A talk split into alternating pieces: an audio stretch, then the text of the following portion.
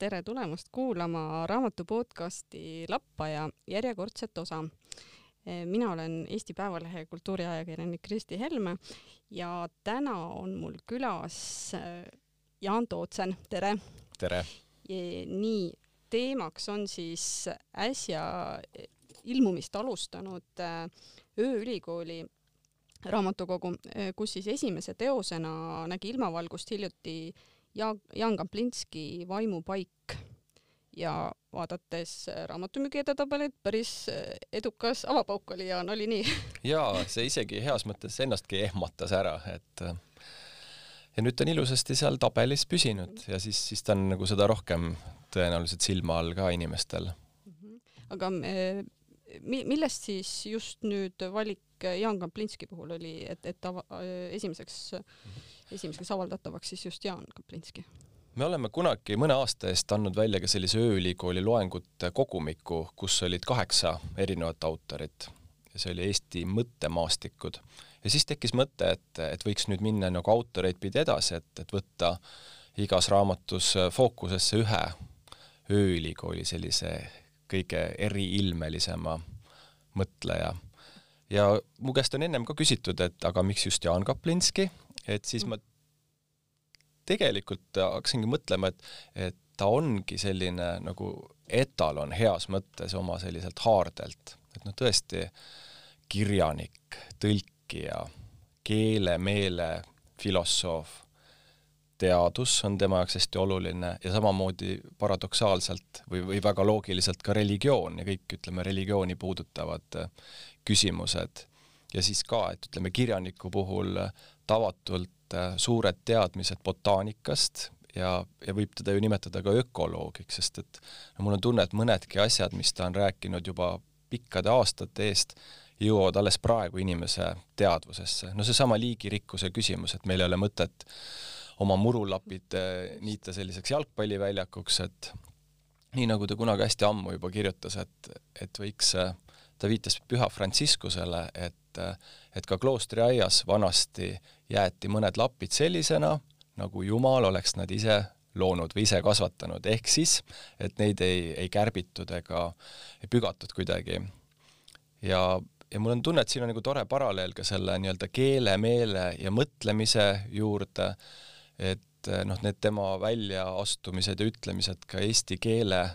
rikkuse kaitseks, eks, et ei ole vaja keelt ülemäära kohitseda, ei ole vaja tohutult normeerida, et meil peab jääma selline loomulik keel ja selline keelemõnu. Ja, ja mis puudutab ka neid äh, ööülikooli loenguid, et see oli minu jaoks hästi tore avastus, et noh, ma ka algul mõtlesin, et, et muidugi, et ma tahaks nüüd, et, et koondaks ühed ühe mõtleja mõtted ühtede kaante vahele, aga et need on olnud ju ka loengutena varem ööülikoolis, aga ja siis, kui need tekstid olid valmis, siis ma sain aru, et, et tõesti on olemas selline asi ka nagu lugemise mõnu. et tihti need ööülikooli jutud on nii tuumakad, et äh, sa kuulad ja siis sa mõtled, et paneks korraks nagu pausi nupu peale, et, et et siis mõtleks, mõtleks vahepeal ja siis kuulaks jälle edasi. Aga lugemisega ongi see tore asi, et, et sa silm haarab tagasi, sa loed, vahepeal pead pausi, viskad pilgu aknast välja, siis sa mõtled vahepeal oma mõtteid ja siis sa tuled jälle tagasi selle juurde, et see, see on, see on selline hästi äge tunne. ja, ja selle kohta ka keegi tarkpea ütles, et ega noh, et see Jaan Kaplinski maailm on nii rikas, et, et tõesti, et noh, et see ei mahuks ühe raamatu vahele, aga et, et selle ööülikooli raamatu selline eelis või, või, või see, mis teeb ta nagu väga ägedaks, on see, et et see tegelikult kaardistab neid olulisi teemasid, mis Kaplinskil on olnud läbi aastate, et tõesti mm, -hmm. siin on, ma seda isegi võiks, võin ette lugeda mõned, no seal on, on ja. keelest ja meelest usk ja armastus, religioon ja sektantlus, esimene maailmasõda ja intellektuaalid näiteks ja noh, et just seesama, see tema tundlikkus nagu noh, argiküsimustes, aga et, et pannes seda kogu aeg sellisesse suuremasse pilti ja noh, näiteks ka Minu Tartu ja Paigavaim ja Vaimupaik mm.. äh, ja ma saan aru, et päris alguses, eks ole, kahekõne Tõnu Õnnepaluga on tegelikult nüüd värskelt valminud. ja see on spetsiaalselt, e-, spetsiaalselt raamatu just, jaoks just. ja see oli kohe see mõte, et, et noh, mis selle, et kui sellist sarja juba teha, et siis võiks olla midagi, noh, mida ennem ei ole olnud mm. Ja, ja mingi selline mõtisklus, mis aitab avada siis ühe või teise ööülikooli kõneleja nagu seda isiklikku maailma. ja ma olin nii õnnelik, et Tõnu Õnnepalu sai selle noh, nii-öelda ettepaneku, et, et kas ta, kas ta teeks Jaaniga selle kirjavahetuse siis nüüd. ja Jaan oli ka selle üle väga rõõmus, et, et Tõnu selle ette võttis, nii et et kui ma seda, veel enne raamatu ilmumist, kui ma lugesin seda käsikirja või noh, seda teksti, et mida nad omavahel räägivad või mida nad omavahel kirjutavad, et siis ma mõtlesin, et, et ma ei ole tükk aega lugenud midagi nii nagu ausat, õrna ja just seesama asi, et seal on, seal on nii ilusas vahekorras selline argine, noh, kõik mm -hmm. see, et noh, mhm. täna tuli see lind või et, et mis on üldse juhtunud või, või ka Jaan räägib seal näiteks oma haigusest, ja Tõnu räägib nendest asjadest, kuhu ta ise praegu hetkel omadega jõudnud on. ja siis selle kõrval on nagu mõnusalt põimitud selliseid äh, süvafilosoofilisi asju ka, et, et ta on nii kuidagi mõnusas äh, tasakaalus ja selle, selle eessõna või siis noh, nii-öelda kirjavahetuse pealkiri on Kahekõne üle jõe, et see on mm, -hmm. kes Kaplinski loomingut teab, et see jõekujund on üldse hästi nagu paljutähenduslik mulle, mulle endale hirmsasti meeldis, siin on lehekülg kaheksateist, nad siin arutavad, et mis on nii-öelda tõsine ja mittetõsine, et kas peaks võtma luulet ja kirjandust tõsiselt või mitte, et siis, siis kuuendal oktoobril on Jaan siin kirjutanud, et kui inimene, elu, maailm on tõsised siis on meie tegemistes ja mõtlemistes küllap ka midagi tõsist. aga mis siis, kui maailm on hoopis vanajumala nali et, et see mulle tundus selline mm, väga mõnus mõttelend ja seda oli kuidagi mõnus iseendale edasi mõelda, et mis siis, kui äh, looja ei teinudki tõsiselt seda, mis on meie ümber no kui vaadata kas või Loomariiki, eks ju, et noh, tõeline humorist on olnud ikkagi see süsteemi operaator no, meil täpselt. et see on selles mõttes jah ikkagi ülim, ülimalt äh, nauditav kahekõne mm. nende vahel. et äh, kas iseenesest nüüd järgmistes äh, sarjaraamatutes on samamoodi tulemas kahekõned või nad tulevad formaadilt nii-öelda erinevad, et kas igasse raamatusse tuleb midagi päris uut? jaa, kindlasti mm -hmm. ja ikkagi, et see olekski selline noh, ütleme siis intervjuu vormis või mhm. vestluse vormis, et tegelikult äh, Tõnu tekitaski sellise hea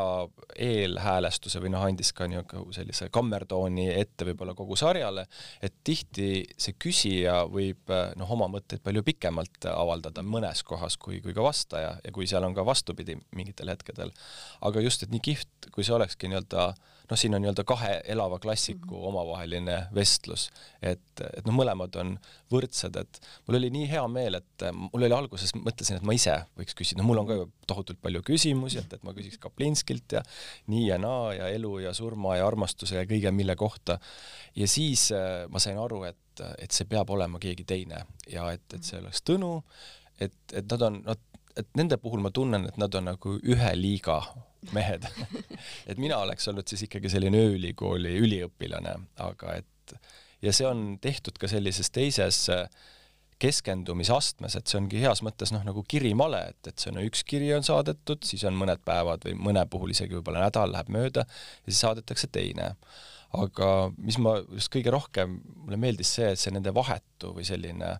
noh, see isiklikkus on, on selle puhul nii äge, et me, meil on nagu võimalus äh, piiluda nagu nende sisemaailma, et noh, muidugi need on mõeldud sellesse raamatusse, aga need kirjad on ikkagi üsna isiklikud mm. -hmm. et äh, nüüd äh, eelmisel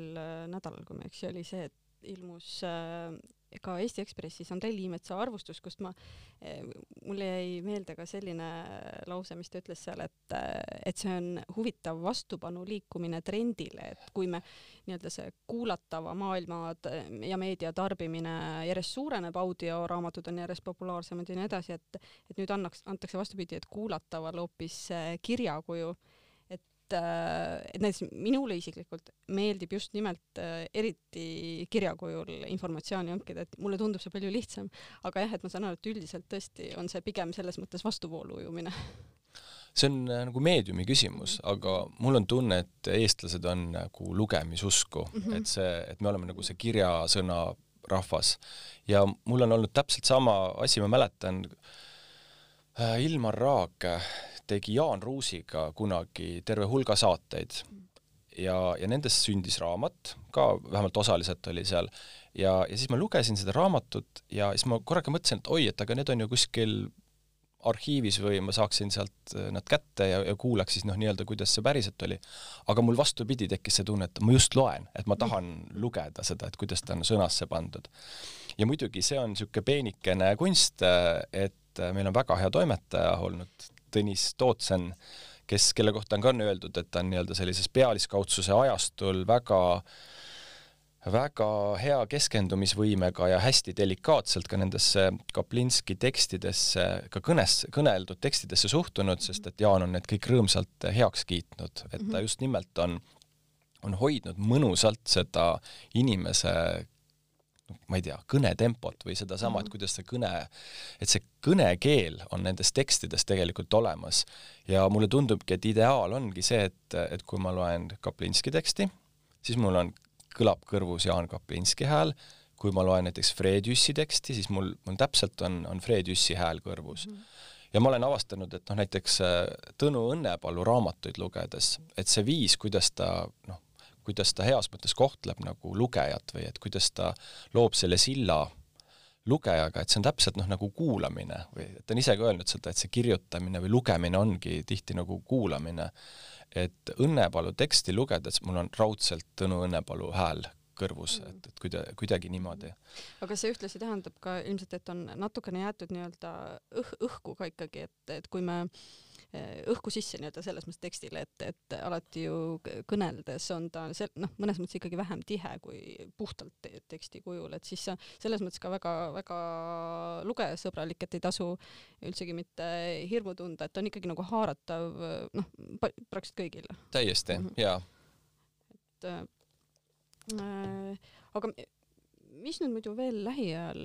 või millal teil järgmine muidu plaanis on? no plaanis on tegelikult ikkagi sügiseks, et, et katsuks rihtida sellele Fred Jüssi, aga noh, et ei tohiks, kui on nagu sari, et siis justkui ei tohiks nagu pikka vahet sisse jätta.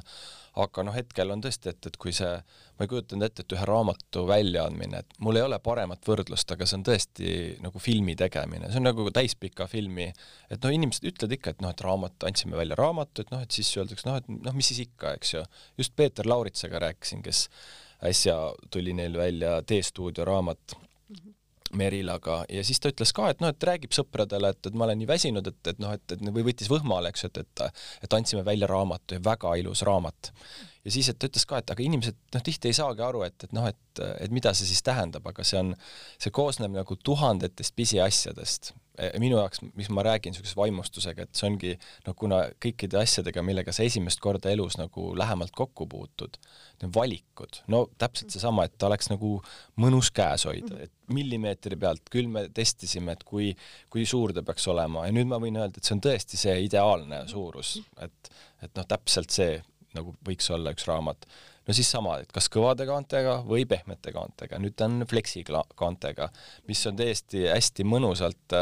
et ta ei ole nagu niisugune vedel, ta on niisugune mõnus krapsakas ja samas ta on hästi sõbralik käes hoida ja, ja sul on mõnus teda nagu kotti panna või, või ma ei tea, keegi ütles just, et selline raamat peaks olema, mida on mõnus võr-, võrkkiiges lugeda või kusagile randa kaasa võtta. et ja samas ta, eks ju, välja näeb noh, ta on nagu kui väärikas, et ta ei ole kuidagi soliidne. nagu sihuke paperback lihtsalt. jaa, väga et... soliidne, et ka, ka sisu, sisuliselt nii-öelda need nii-öelda köide ja kõik tundub ikkagi mm, väga kvaliteetne mm, -hmm. et ja no kuni fondini välja, eks ju, et siin on Eesti poiste fond, mida ma ei suuda kohe peast nimetada, aga, ja sise, sisefond ka, et, et ta oleks nagu noh, ütleme, et vanaemal oleks mõnus lugeda ilma prillita ja, ja noorem inimene, kes loeks, ütleks, et noh, et, et see on täpselt ka õige, õige suurusega tekst, et, et silm haarab nagu mõnusalt. Et, et noh, need on tõesti miljonid, miljonid pisiasjad, millele noh, tavaliselt lugejana ju ei mõtle, et noh, raamat on niisugune või teistsugune ta on jah, lugeja sõbralik iga, igas mõttes. et äh, aga iseenesest võiksime tegelikult äh, minna isegi tagasi päris äh,, päris kaugele, et aastast kaks tuhat tegelikult on Ööülikool sai alguse, eks ole. Kas oli vist nii, eks ole, et äh, sa õppisid ise raadiorežiid Pedas? just, ja siis ja siis oli su lõputöö? siis ma hakkasin otsapidi tegema, õieti lõputööks mul kujunes Uku Maasingu elusamus, aga, aga oligi nagu ülikooli lõpetamise ajal ma siis mõtlesin, et, et, et mis on minu unistuste selline noh, ma vihkan seda sõna formaat, aga noh, ma pean kasutama, et mis on see selline saate formaat, mida, mille järgi ma kõige rohkem olen puudust tundnud. ja see oligi täpselt selline, ma olen veel noh, nii vana, et, et siis oli veel napilt, eks ju, Tallinna Ülikool, aga oli see niisugune pedagoogikaülikool, me olime Laial tänaval kultuurharidusmajas. Ja siis ma mäletan seda lipendavat äh, linoleumi ja siis neid surisevaid päevavalguslampe ja siis olid väga häid õppejõude oli seal, suurepäraseid, aga siis olid ka veel selliseid, kes tulid oma vanade võidunud kaustikutega ja siis ma mõtlesin, et nii äge, kui oleks kusagil selline noh, salajane vennaskond, et kes öösiti koguneb ülikooli raamatukogu ovaalse lauaga kaminasaalis, noh, natukene selline nagu surnud poeetide ühing või et mm. ja siis kuidagi, ma ei tea, kas helikopteri või või siis ma ei tea, saaniga või, või, või millega iganes, jalgrattaga tuleb kohale nagu maailma kõige ägedam õppejõud või noh, et ütleme, meil oligi kunagi oli slogan oli kultusõppejõud sinu voodis oli. Aga et seesama igatsus sellise noh, elu mõtestamise järgi ühelt poolt ja siis ka tõesti, et et need oleksid noh, nii-öelda tippe, maailma tippe mehed ja naised ja siis, aga et miks mitte teha siis selline ööülikool, mis ühendaks siis noh, neid väga häid õppejõude, kes on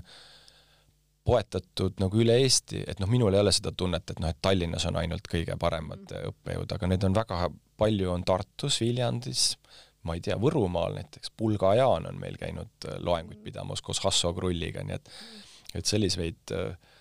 et, et see on jah, kuidas see Marie Curie ütles, et kuidas äh, isiklikku uudishimu rahuldada nagu riigi rahade eest, et see siis tundus nagu kõige kõige parem mõte, aga jah, et selle, et ma tulin jah, nii-öelda see Marshalli kepikene kotis, et see ööülikooli sarja mõte oli, oli ennem olemas siis, kui ma jõudsin nagu Eesti Raadiosse sellega mm. -hmm. et äh, tegelikult saab öelda, et äh, ööli-, ööülikool sellist nii-öelda kindlat maailmavaadet ei kanna, et on väga-väga erineva maailmavaatega, alates seal ju Peeter Lauritsast kuni siis äh, Lembit Petersonini, eks ole, et täiesti, just nimelt, mhm. et me ei ole, me ei ole kusagil nagu mingit pooli valinud mm, -hmm. meil ei ole vasak ja parem või, või konservatiivne, liberaalne mm. -hmm mis, mingi üks teema küll on, mis on nagu sõltumata, ütleme sellisest äh, märgilisest maailmavaatest, on loodushoid, mis me alati oleme nagu inimene ja keskkond on olnud ööülikooli selline läbiv teema, aga kõik, teater, muusika, kino, ma ei tea, humanitaarteadused laiemalt mm -hmm. ja reaalteadused samamoodi mm. -hmm. Et nüüd kõige värskem loeng ongi bioloog Aveliina Helm ja, ja kvantfüüsik Kaupo Palo mm -hmm. räägivad, et kuidas on noh, nii-öelda dialoog bioloogi ja, ja füüsiku vahel. nii et ma olen ise väga nautinud neid, mina olin näiteks matas ja füüsikas väga kehva ja köha läks kohe kurku et, et, et mulle meeld-, ma tean, et mulle meeldis matemaatika, aga ma ei saanud nagu aru ja, ja kui, kui palju, kui palju ma naudin nüüd, kui keegi kvantfüüsik räägib ja ma midagi hakkan nagu taipama. et selles mõttes on väga palju selliseid teemasid tulnud ööülikooli, mida ma ise noh, oma loomu poolest võib-olla ei oleks esimesena valinud, aga üks või teine on soovitanud või pakkunud välja. et selles mõttes tõesti, et see on noh, galerii väga erinevatest teemadest ja meie põhimõte on olnud ka see, et et iga kõneleja toob kaasa nagu selleks õhtuks oma maailma. et, mhm. et meil ei ole noh, seda, et mõnikord on ju pikad sarisaated, kus öeldakse, et no nii, nagu te kuulsite seal eelmises osas, me lõpetasime, et ma nüüd siin täna jätkan. et meil on teada, et noh, täna räägib kvantfüüsik sellest, milline oli suure paugu eelne situatsioon, noh, võib-olla järgmises loengus räägib keegi inglitest näiteks, noh et, et seal, et tekikski see noh, selline mõnus äh, mosaiik ja noh, see kokku siis võiks äh, kõige paremas mõttes haarata nagu maailma tervikut aga neid kõiki saateid nüüd on äh, Vikerraadio ja Klassikaraadio kodulehelt võimalik ilmselt tagantjärele, nad on ikkagi kõik ja, seal üleval, kõik on nad olemas, just, just.. ja, ja selle mhm. nii-öelda üli, ööülikooli põhilehelt ka, et ülikool.ee üpsiloniga, et uh. -huh aga kas, ähm, kas on äh, nende paljude aastate jooksul olnud ähm, ka keegi, kes on niimoodi eriliselt üllatanud või šokeerinud? no neid on, äh, ilmselt väga palju. no just, et, et vot täpselt sellega ongi see, et ei saa öelda, et, et mis on su parim, no keegi küsib, eks, et ütle oma lemmikraamat või ütle oma lemmikfilm, et igal ajaetapil on, on üks või teine asi. et ma mõtlen, et keda, noh, isiklikult mind näiteks on väga mõjutanud kunagi ööülikooli kõige vanem õppejõud oli teoloogiaprofessor Evald Saag, Uku Maasingu õemees ja noh, tema juures oli tõesti selline tunne, et sa oled sattunud nii-öelda Eesti-aegse professori juurde kahe tuhandendate aastate alguses, et, et tema mõju on, ma arvan küll, päris tugevalt. ja siis noh, me oleme ka püüdnud, et see kuidagi ei läheks, no et, et meil peab olema ka mõni näiteks ööülikooli paha poiss, on kindlasti Kalev Rajangu, eks ju, modell, hauakaevaja ja muusik et ja, ja tihti ongi see, et noh, see, mida ta esitab, et mina võtan seda nagu luulet, noh et see on nagu selline vaimne tulevärk ja samas on tohutult palju asju, mille puhul ma sisedialoogis ja ka avalikult temaga vaidlen, millega ma nõus ei ole mm. -hmm. et tegelikult nii kihvt ongi see, et, et kui mõnikord tuleb selline selline inimene ööülikooli, kellega sa ei nõustu, aga kes mingil põhjusel aktiviseerib sind mõtlema. no seesama Teiljel kas või kas või konservatiivsus või liberaalsus, et, et noh, et need kõik ja ja just seesama selline noh, nagu mõnus inimsõbralikkus, et meil ei ole, meil on ikkagi ööülikooli väljasõitudel, ma arvan, et saunalaval istudes on küll väga erineva maailmavaatega inimesed üksteisega väga hästi läbi saanud Mm -hmm. et mulle meeldib see, et inimesed on omavahel sõbrad, et me ei teeks nagu eri, no vahet sellest, et kes on mis poliitikat jagab või, või mis asi et see ei ole, no ühe, ühe inimese sees juba on nii palju vastuolusid, no ma arvan näiteks ka, et, et kui keegi võtaks nüüd analüüsida Jaan Kaplinski kõiki loenguid, et ka seal leiab mhm. noh, mingisuguseid asju, mille puhul noh, tekib ka küsimus, et oot-oot-oot, mis sa nüüd täpselt mõtlesid või või öeldakse, et noh, et Uku Masing, kui palju vastuolusid see mhm. noh, Ain Kaalepi poolt Eesti kõige targemaks inimeseks äh, öeldud äh, inimene endas sisaldas, et et see teeb kõik elu kuidagi huvitavaks, et see mhm. et seda siis seda maailmapilti või tõde või, või siis ka noh, julgen välja öelda nagu elu mõtet äh, kuidagi püüda sõnastada et selles mõttes jah, mulle tundub ka, et ööülikool on ka praeguses hetkes nagu hästi oluline, et tegelikult eriti sotsiaalmeedia minu meelest on paljud suunanud sinna oma mulli nii-öelda, et et sa nii-öelda taastoodad ainult iseenda uskumust ja teadmist, et sa nagu isegi väga intelligentsed inimesed tihti ei pruugi tahta, ei kannata nagu üldse, kui midagigi on teisiti. et, et see aitab nagu seda poolt ja nagu avatud meelt natukenegi hoida, et et, et siit ja sealt on võimalik ikkagi rikastada ennast tegelikult jaa, ja just, ja me, ja see ka asi, mis on nagu ütleme, tänapäeva maailmas öeldakse, et, et kõik läheb nagu lühivormide jaoks või et noh, et ma ei tea, et on viieteist sekundiga pead sa kõik juba ära suutma ütelda ja teha. et ööülikooli puhul me teadlikult oleme nii-öelda aega aeglustanud, et, et see on, minu meelest see on ka väga hea indikaator inimese närvikava suhtes, et kui ta suudab tund aega kuulata mõtestatud juttu ja et tähelepanu püsib, et noh, et suurepärane ja see on ka tore, et, et noh, et igasugused meediumid noh, ma ei tea, kuni ei tule, eks ju, isejuhtivaid autosid, et siis tegelikult see, ka see raadiovorm jääb väga hästi inimeste, inimesi saatma, noh, ma arvan, et pikkadel jalutuskäikudel, et väga palju noh, tegelikult me olemegi selles mõttes ka ööülikool on nagu kihvti ajajärku sattunud, et me olemegi nagu podcast'ide sellises nagu heas mõttes nagu taastulemises mm, -hmm, et et paljude noorte jaoks ei olegi enam olemas raadiot, aga küll nad on näiteks ka ööülikooli kuulanud just oma telefonist mm. -hmm. jah.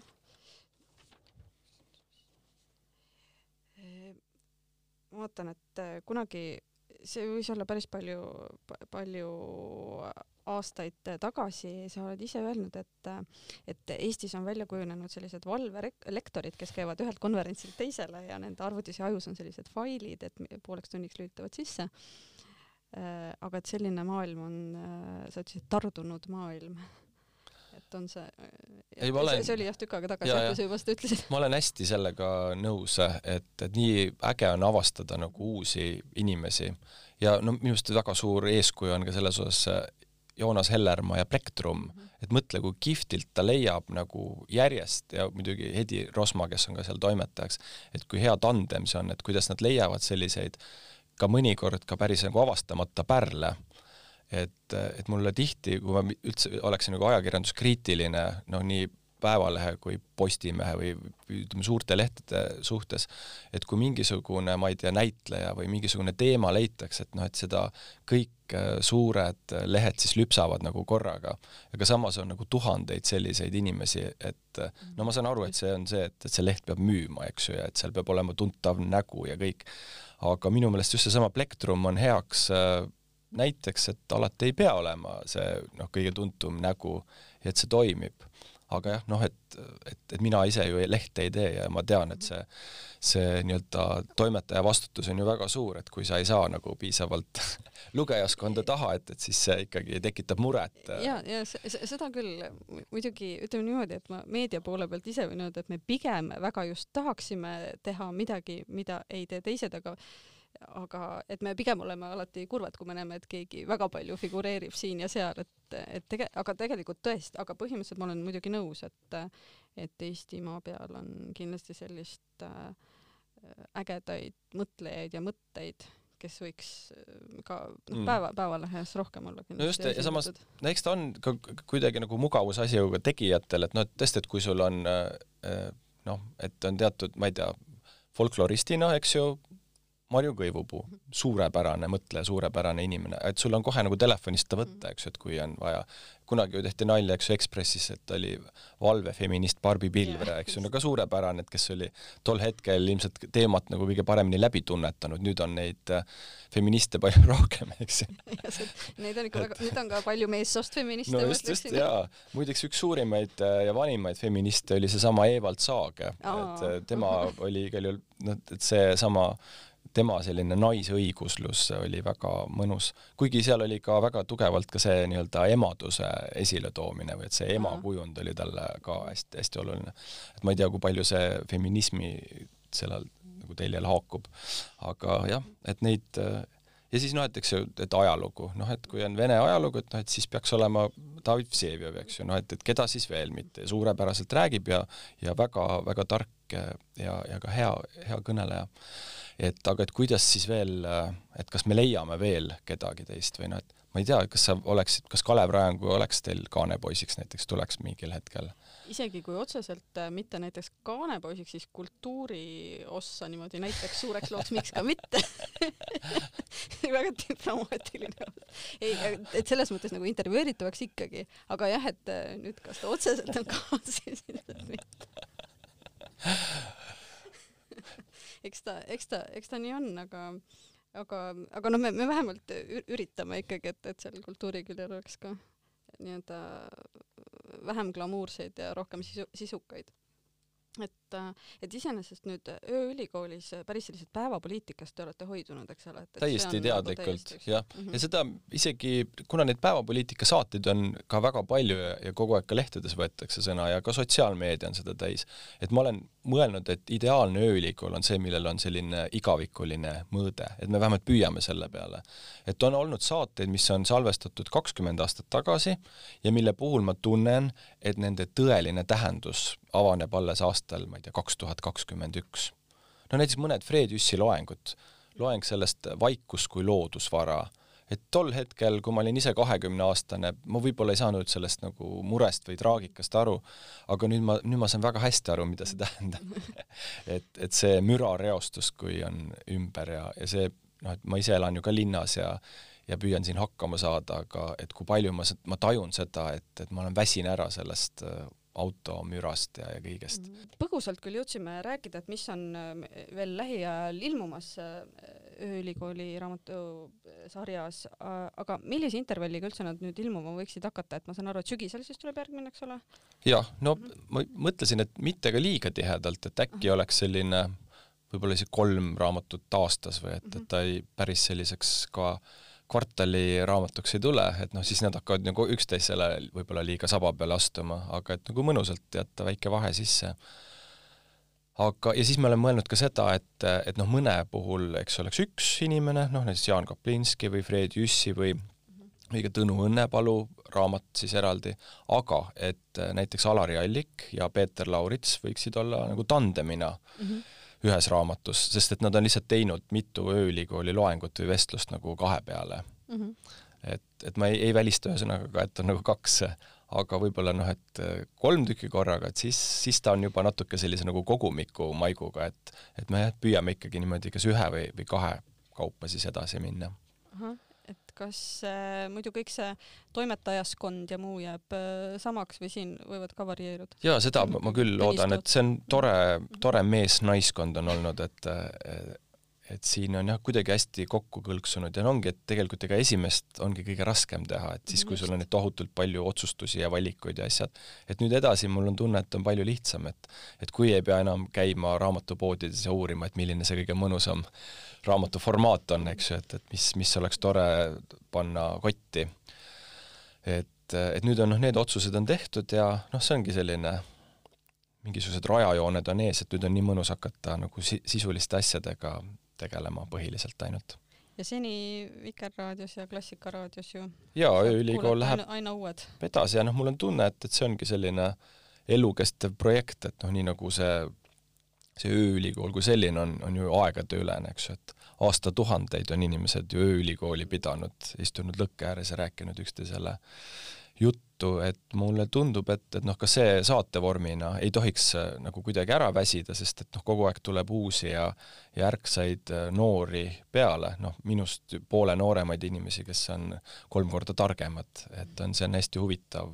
see praegune põlvkond ka, et kuidas mm -hmm. nad mhm. maailma näevad mm -hmm. ja mhm. kuidas see, kuidas nad hakkavad tehisintellektiga kunagi niimoodi rinda pistma ja kõik see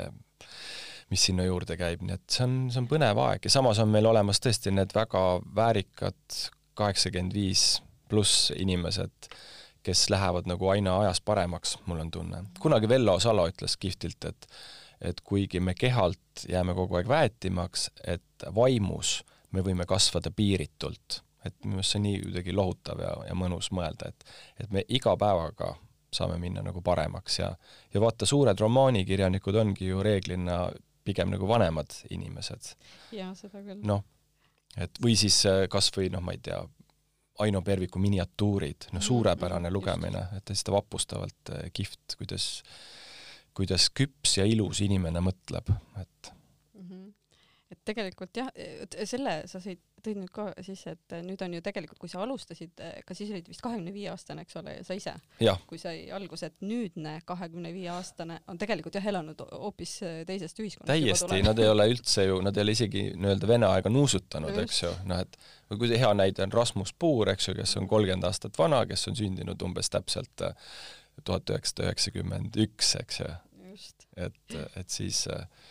ja, ja meil on nagu, mulle tundub, et see, meil on nagu äge põlvkond, iga, iga põlvkond ütleb ilmselt, et neil on nagu tore, aga aga mul on just hea meel see, et, et me oleme nagu kahe maailma piiri ääres olnud, et sellise murrangu ajas, et me teame nagu seda maailma ja siis me teame ka seda täiesti sürreaalset äh, elu, mis on nagu varem olnud. ja noh, kogu ka see idaeuroopluse ja lääne teema, et, et minul, minu meelest on küll äge olla iga idaeurooplane ka no kind, jaa, kindlasti, ma arvan, et teatavat sügavust tegelikult võib anda küll kui selles mõttes, et äh, igal juhul äh, aitäh sulle, Jaan, et sa oled üldse esiteks seda kakskümmend aastat vedanud seda saadet äh, ja see jääb ju nii-öelda igavesti kõigiga arhiividesse. et ja siis loomulikult ka uue, uue raamatusarja eest aitäh! suur tänu sulle kutsumast, aitäh! ja, ja siis ähm, järgmist saadet et äh, lappajat on meil siis juhtimas taas äh, Peeter Kormašov, seni äh, otsige raamatupoest üles Jaan Kaplinski Vaimupank, Paik, ööülikooli raamatukogu sarja Avaraamat ja head lugemist! thank you